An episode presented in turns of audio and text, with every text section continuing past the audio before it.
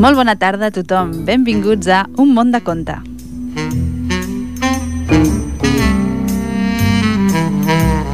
Doncs ja som aquí, un dimecres més, per portar-vos contes. Ja sabeu que la base del nostre programa de l'Un món de conte doncs són això, les històries, els contes. Històries que us portem cada dimecres aquí, a Ripollet Ràdio, a l'emissora municipal.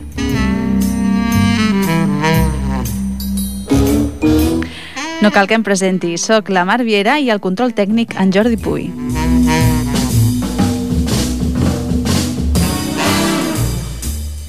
Com esteu? Què m'expliqueu? Com ha anat aquest cap de setmana llarg? Eh? Vam tenir divendres, dissabte i diumenge. He llegit moltes històries, heu descobert contes nous? Espero que sí. Us explico què porto avui. Avui porto contes... Bueno, us explico d'un en un perquè així us puc dir alguna coseta de cadascun d'ells.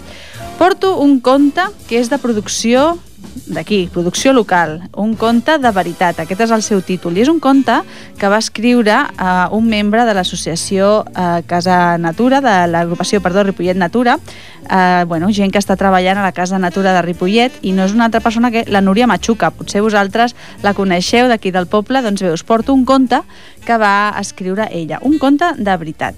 Després porto un altre conte, que és molt especial, perquè a més a més jo vaig poder tenir el plaer de parlar i de compartir una estona amb el seu autor i, i amb un col·laborador també molt especial. És el conte amb Bunyol, amb Bitxo i amb Bartomeu, amb Bartomeu. I acabarem amb una història, amb un conte popular català que es titula El nen i la nena del sol i la lluna al front.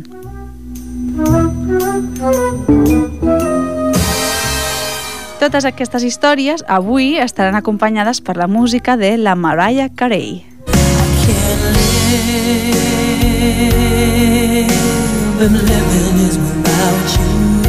La Mariah Carey o la Maria Carey, per, per alguns i per uns altres, doncs, bueno, és una cantant superconeguda de pop i de rhythm and blues. Una part de cantant doncs, és compositora, productora, actriu... Bé, doncs, bueno, una cantant, una artista molt coneguda i que avui ens acompanyarà a l'Un món de conte amb alguns dels seus temes.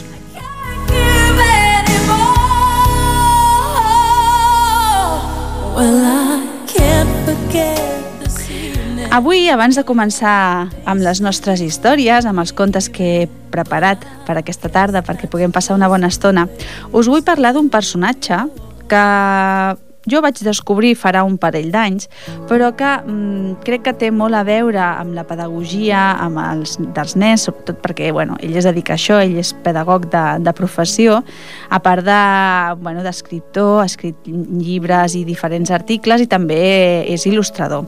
És en Francesco Tonucci, és un italià que va néixer a Fano l'any 1941. El, de vegades també és conegut per un, un pseudònim, que és uh, Frato, potser l'heu conegut per aquest nom.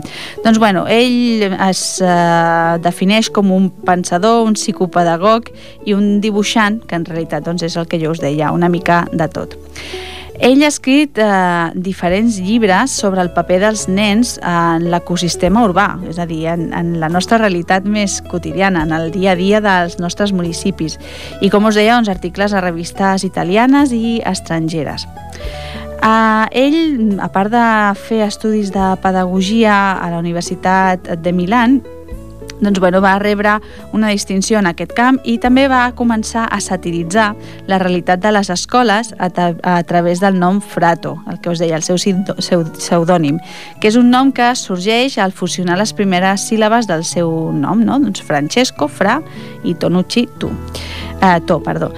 Doncs bé, ella, a banda d'això que us deia, també va treballar com a, com a mestra i les seves teories es podrien resumir en que donen un paper molt important als nens.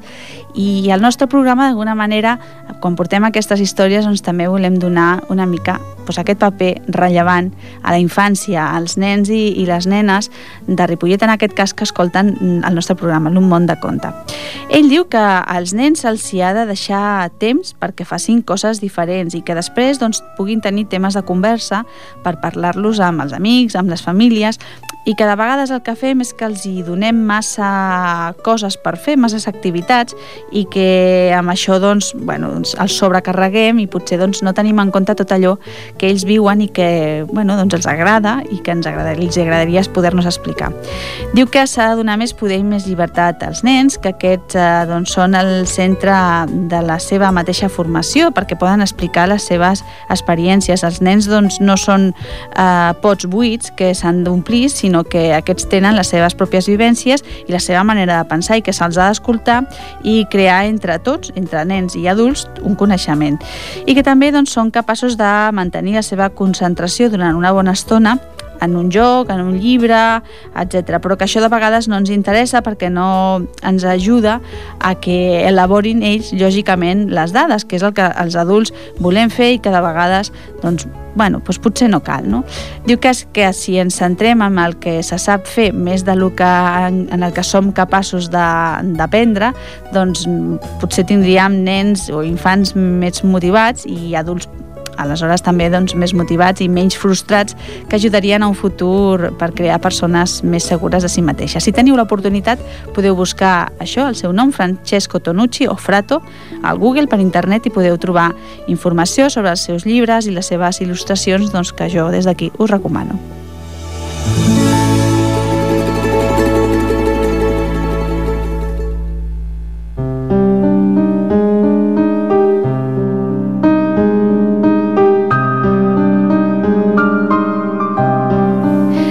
Doncs comencem amb el contingut del nostre programa, amb aquest conte de veritat que, com us deia, doncs, eh, va estar escrit per l'autora autora Núria Machuca Granero, amb il·lustracions de l'Òscar Trapote i un disseny i maquetació del Sergi Vera. I a més a més té la correcció lingüística, perquè està escrit en català, de l'Oficina de Català de Ripollet. Des d'aquí doncs, volem enviar una salutació a la gent de l'Oficina de Català que fa una tasca molt important amb la nostra llengua.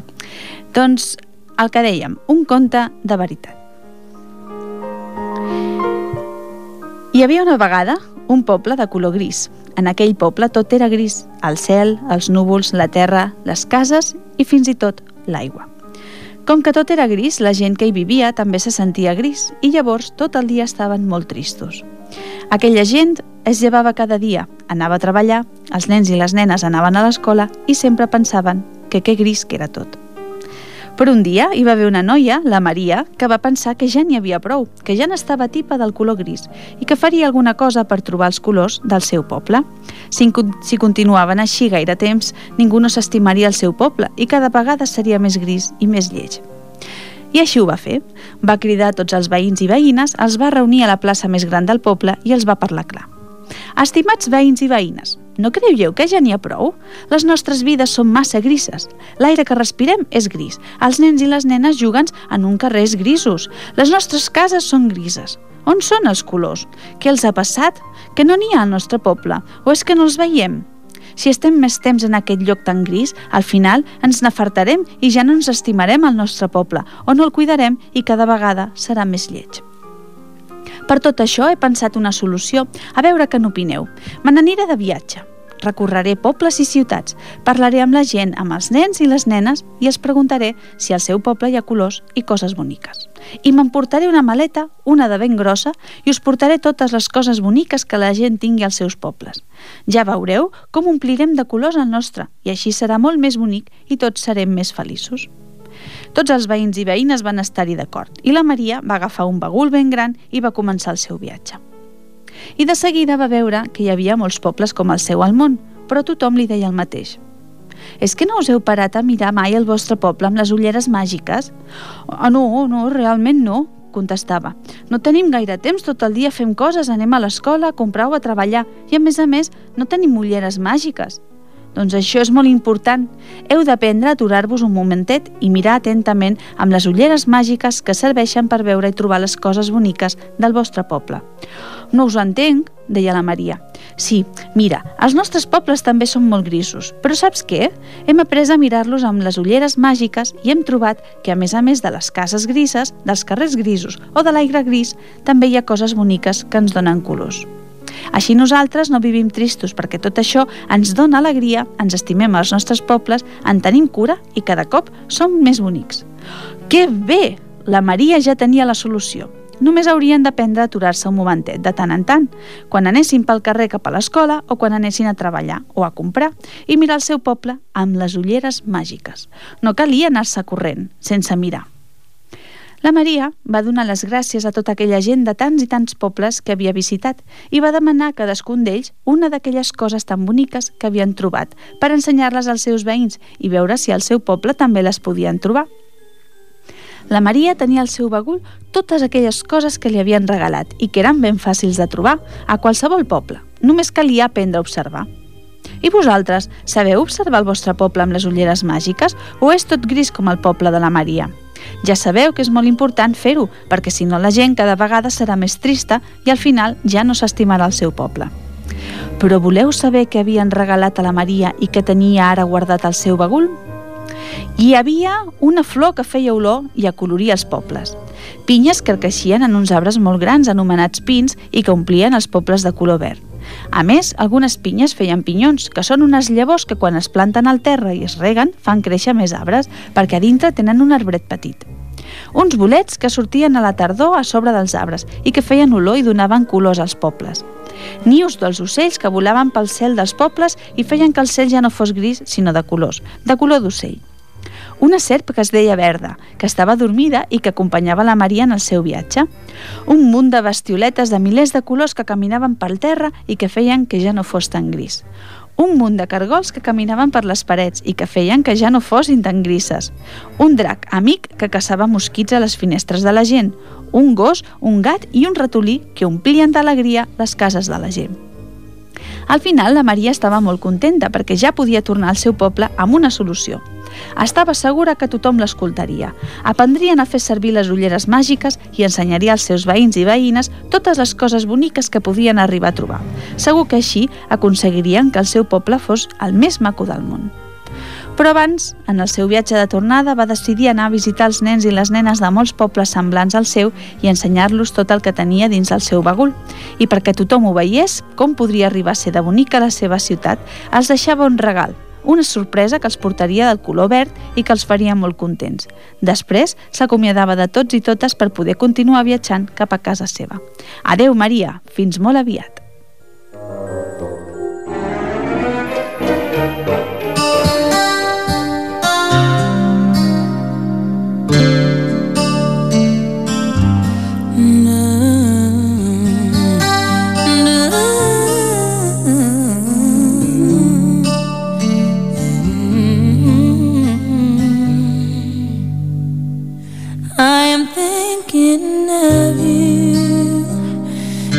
My sleepless solitude tonight. If it's wrong to love you, then my heart just won't let me be right. Cause I'm drowned in you, and I won't pull through without you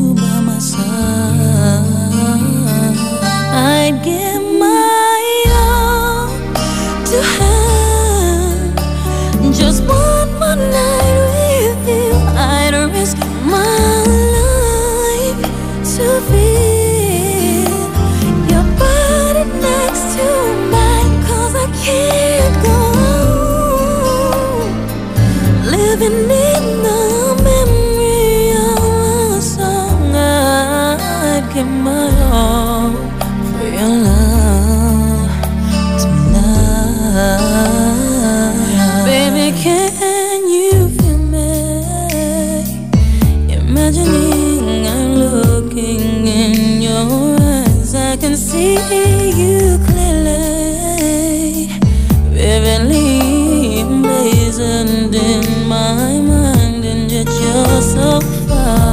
the.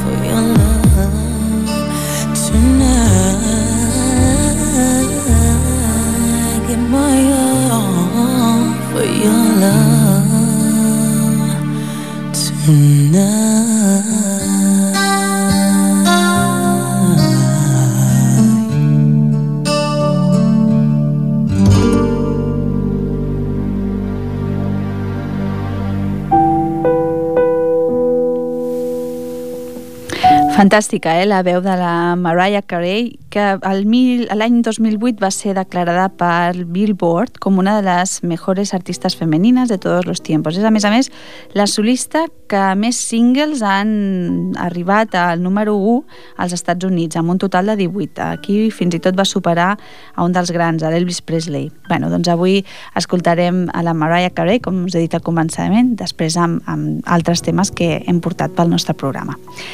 Ara portem un conte molt especial, ja us ho he dit a la introducció. I ho és perquè el meu exemplar està signat per l'il·lustrador d'aquesta història i a més a més per un col·laborador que van tenir eh, per aquestes il·lustracions.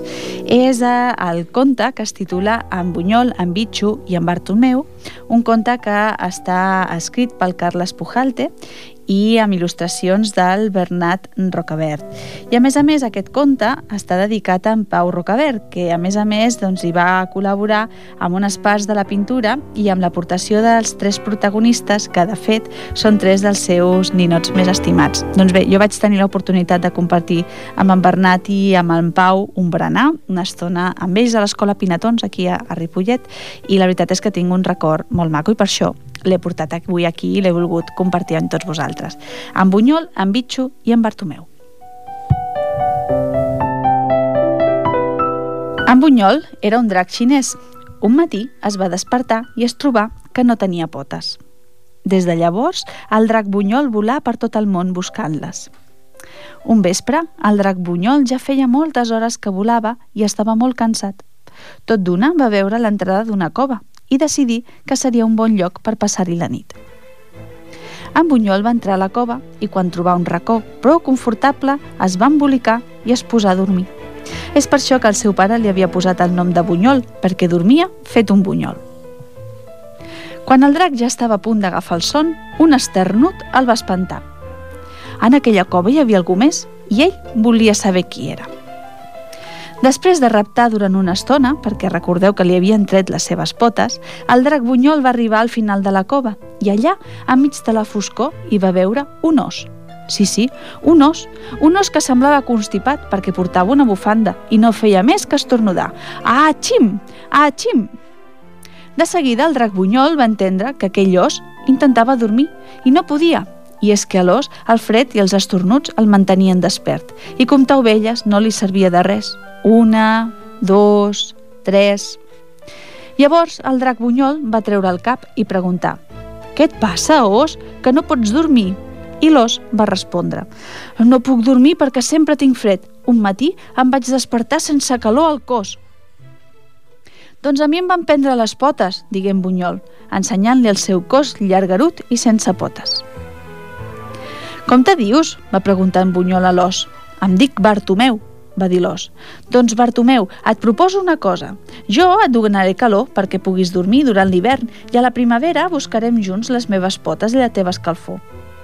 L'os Bartomeu hi va estar d'acord i el drac Bunyol va escalfar la cova a la resta de l'hivern. L'os Bartomeu havia hivernat molt bé i es va despertar més content que un gínjol. El drac Bunyol també estava content perquè havia trobat un company que l'ajudaria a cercar les potes. Quan van sortir de la cova, la primavera ja havia arribat.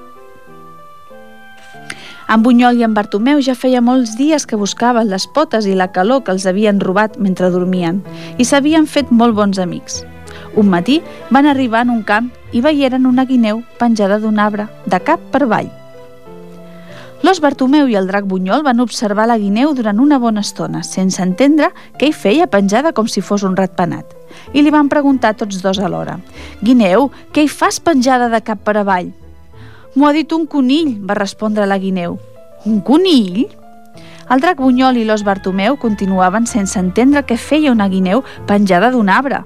De sobte va aparèixer un esquirol, s'enfilà l'arbre i digué a la guineu Tu ets la guineu que t'anomenarem bitxo. I la guineu va fer que sí. Llavors vull que em collis totes les pinyes d'aquest pi. El drac Bunyol i l'os Bartomeu no es podien creure el que veien un esquirol donant ordres a una guineu pinjada d'un pi. El més increïble, però, va ser veure que la guineu bitxo s'enfilà per les branques del pi i començar a agafar les pinyes per l'esquirol. Quan la guineu bitxo ja havia acabat de collir les pinyes per l'esquirol i aquest hagué marxat, tot content amb les seves pinyes, el drac Bunyol i l'os Bartomeu es van acostar a la guineu bitxo i li preguntaren «Per què has fet el que t'ha demanat l'esquirol?» I la guineu va començar a plorar desconsoladament. El drac Bunyol i l'os Bartomeu se li van acostar i l'abraçaren per, per consolar-la. Quan la guineu bitxo va deixar de sanglotar, els explicà per què havia obeït l'esquirol. Perquè un matí em vaig llevar sense personalitat, per això no puc dir que no a cap ordre i obeeixo a tothom. Doncs jo un matí em vaig llevar sense potes, continuà en Bunyol, i jo sense calor al cos, va afegir en Bartomeu. I tots tres van començar a riure. I així fou com el drac Bunyol, l'os Bartomeu i la guineu Bitxo es van conèixer i des d'aquell dia van decidir anar junts pel món, buscant el que van perdre una nit mentre dormien, les potes, l'escalfor del cos i la personalitat. Ara que n'estaven segurs, ara del que n'estaven segurs era que algú els havia pres alguna cosa a cadascun d'ells. Qui podia ser el lladre?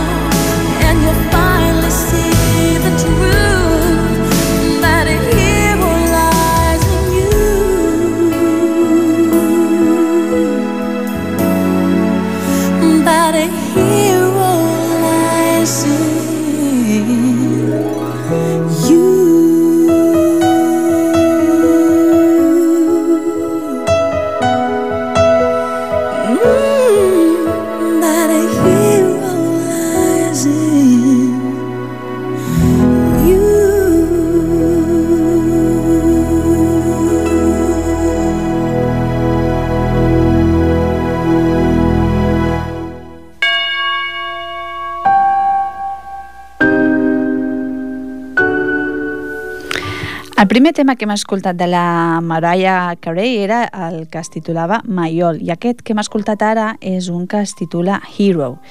Llegint o buscant informació sobre aquesta cantant he trobat una cosa molt curiosa que jo la veritat és que no sabia que això existia.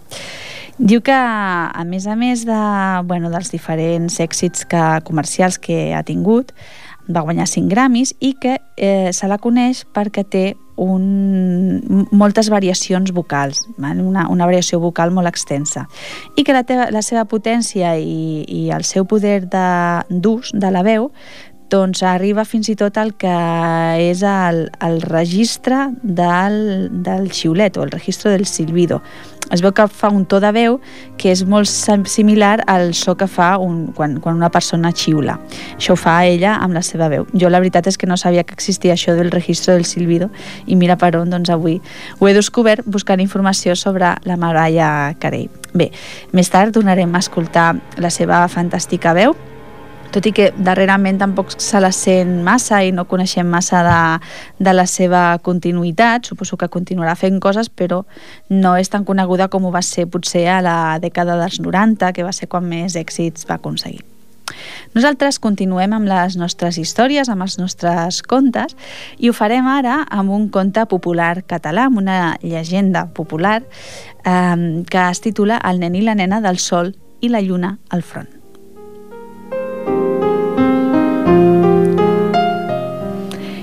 Hi havia una vegada tres germanes que vivien i treballaven a la casa de pagès que havia estat dels seus pares. Cada dia, després de feinejar, sortien a passejar vora el rierol que passava a prop dels seus camps. La petita de les tres germanes, mentre les altres s'adormien amb l'escalfor del sol, s'encantava mirant el vol àgil de les libèl·lules, escoltant el soroll dels borinots que cerquen la dolçor dels nèctars més refinats i admirant els colors llampants dels avellerols. Una tarda d'estiu, mentre les noies prenien el sol assegudes en una roca amb els peus dins l'aigua fresca del riu, van veure passar el rei, que anava de cacera amb tot el seu seguici. La noia més gran, en veure el rei tan atractiu, va exclamar «Ai, si jo em casés amb un rei, faria sempre el que voldria. Dormiria fins a mig matí. Em faria portar un suculent esmorzar i passejaria amb la carrossa reial». La mitjana es va afegir al somni de la seva germana gran i va dir doncs jo organitzaria grans balls, festes meravelloses i convits fastuosos. La petita també va voler dir-hi la seva. Jo tindria un nen i una nena amb el sol i la lluna al front, va afegir tota convençuda.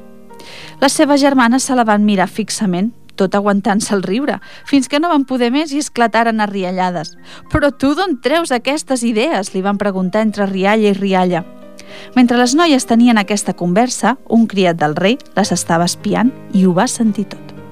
Quan el rei després de la cacera va tornar a Palau, cap al tard, el seu criat li va explicar el diàleg de les tres pageroles, com qui explica una anècdota divertida. El rei, però, va quedar pensatiu i va dir al seu criat tafaner «Escolta bé, noi, demà al matí a primera hora aniràs a cercar les tres noies i les portaràs a Palau». El criat, tal com li va manar el rei, així ho va fer i amb dos soldats i tres cavalls van anar a cercar les pagessetes de vora el riu. Les noies, totes esporuguides, van arribar a Palau sense saber què els passaria. El rei les va rebre davant dels nobles de la cort i els va preguntar «Què ho faríeu si us caséssiu amb un rei?» La gran va contestar la primera «Si jo em casés amb un rei, dormiria fins a mig matí, em faria portar un suculent esmorzar i passejaria amb la carrossa reial. Després, la germana mitjana va dir «Doncs jo organitzaria grans balls, festes meravelloses i convits fastuosos». I finalment la petita va acabar dient la seva proposta, amb una certa temença pensant que tothom es posaria a riure.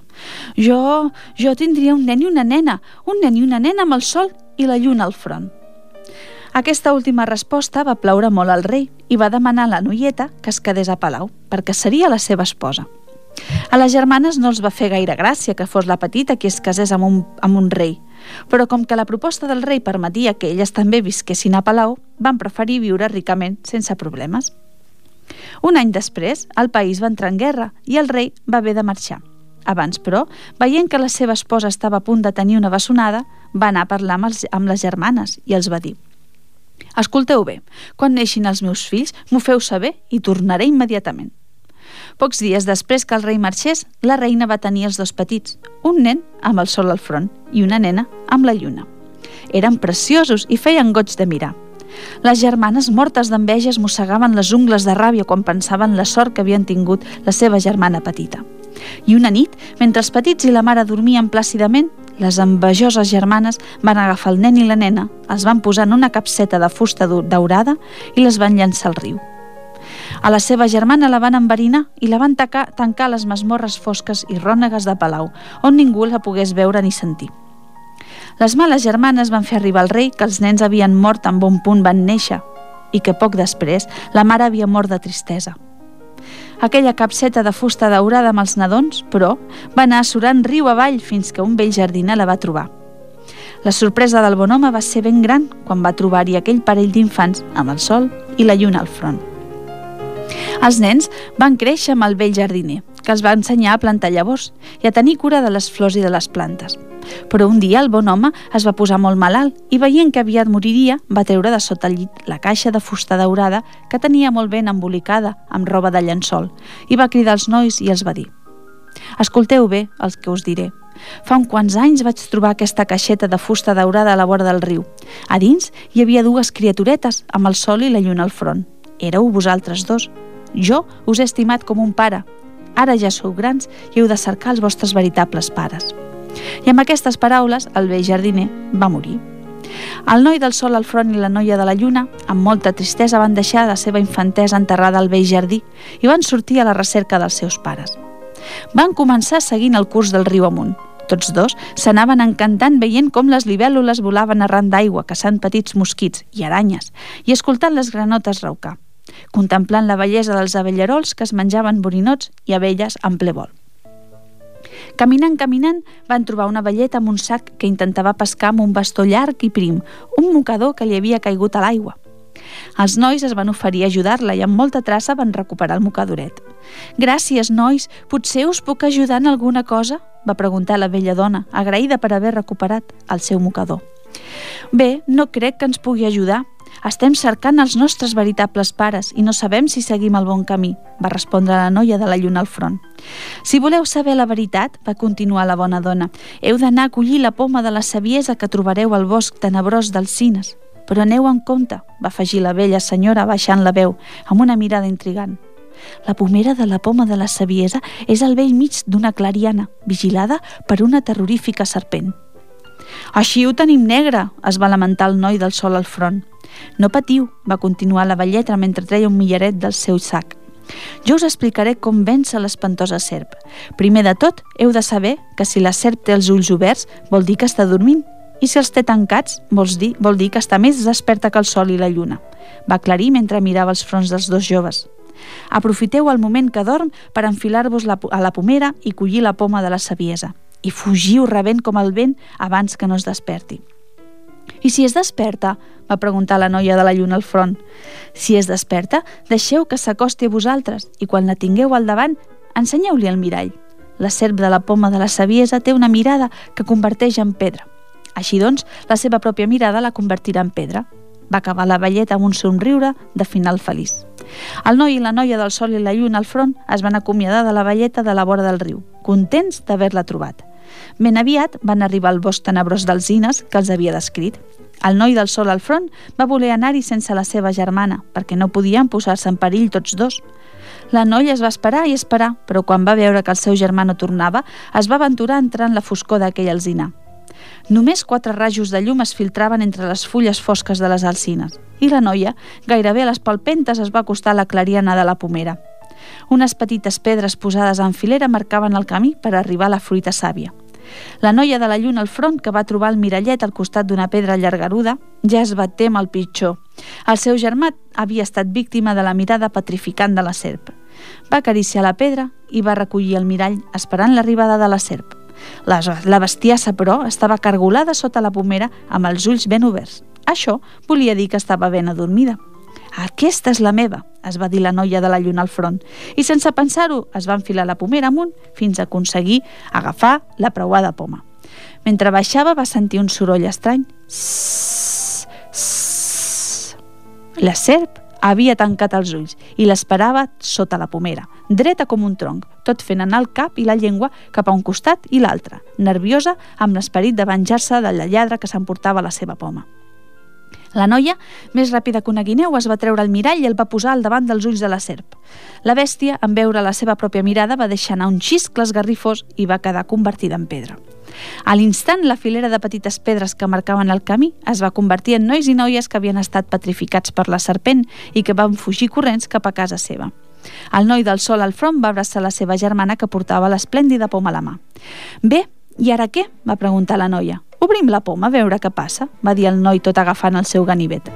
Tan bon punt van fer un petit tall a la poma, em va sortir un pardal petit i eixerit amb plomes de mil colors que els explicà que eren fills del rei. Els digué que podrien trobar el bosc del Riarol d'aigua fresca, on en aquells moments estava caçant. Els dos germans amb el pardal van sortir corrents del bosc tenebrós dels cines i anaren al cercar el seu pare. Els trets escopetes i els lladrucs dels gossos van ajudar a trobar els caçadors reials. El rei, en veure un noi i una noia amb el sol i la lluna al front, va quedar molt sorprès i molt més hi va quedar quan el pardalet li va revelar tota la veritat. El segrest dels nens, el jardiner que els va recollir, l'esposa enverinada i tancada a les masmorres de Palau. El rei, el rei i els seus fills van anar cap a Palau sense perdre ni un moment més i acompanyats de tota la comitiva de la cacera reial van entre les masmorres fosques i rònegues on van trobar la reina esblancaïda per no haver vist mai el sol, amb els llavis morats, la mirada trista i una llarga cavallera sense pentinar. Amb el feliç retrobament dels fills i de la seva dona, el rei s'havia oblidat de les germanes, que en veure com anaven les coses van fugir cames ajudeu-me lluny d'aquelles terres i d'aquell país. I si no us ho creieu, aneu-hi vosaltres mateixos i ho veureu.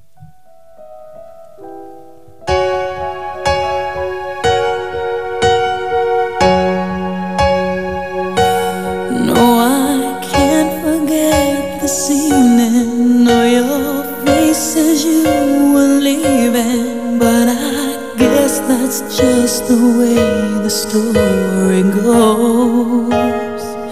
You always smile, but in your eyes your sorrow shows. Yes, it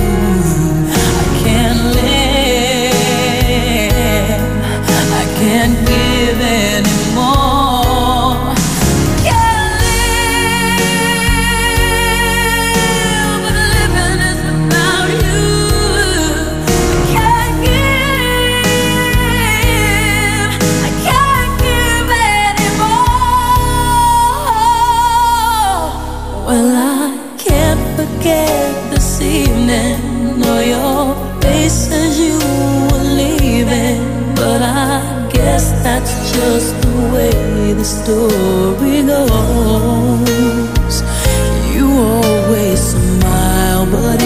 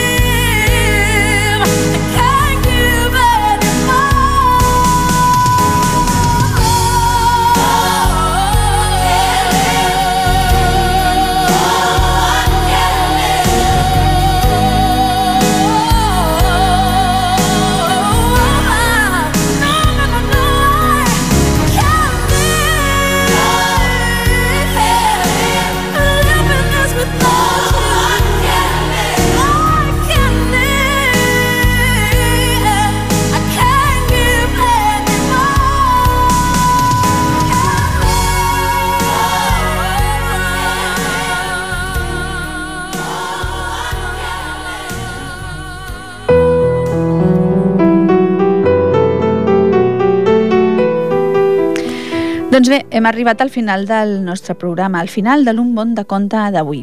Recordar-vos que si no heu pogut escoltar el programa avui, ho podeu tornar a fer el dissabte de 5 a 6 de la tarda i si no, doncs, eh, escoltant els podcasts que teniu a la web www.ripolletradio.cat i que us podeu descarregar eh, per tenir-los doncs, quan vosaltres vulgueu. Eh, la veritat és que és un mètode pràctic per poder escoltar la ràdio si, si no podeu doncs, bueno, sintonitzar l'emissora municipal el dia que emetem el, el programa. Bé, donar-li les gràcies al tècnic, al Jordi Puy, per la seva col·laboració, com cada dimecres, i res més, deixar-vos amb un altre tema de la Mariah Carey, en aquest cas seria el tema When You Believe, que és un duet que fa amb la desapareguda Whitney Houston i que a més a més va ser el tema principal d'una pel·lícula de dibuixos animats de Disney, El príncipe d'Egipto. Segurament molts vosaltres l'heu vist i la recordareu. Doncs per la meva part, res més. Ens, ens tornem a trobar el proper dimecres i us deixo doncs amb la Mariah Carey. Una abraçada.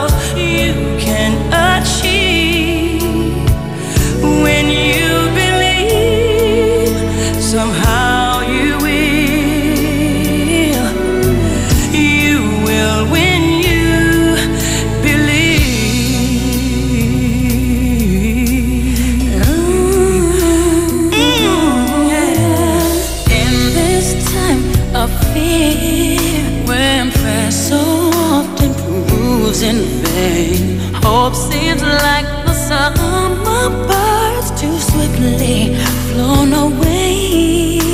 Yet now I'm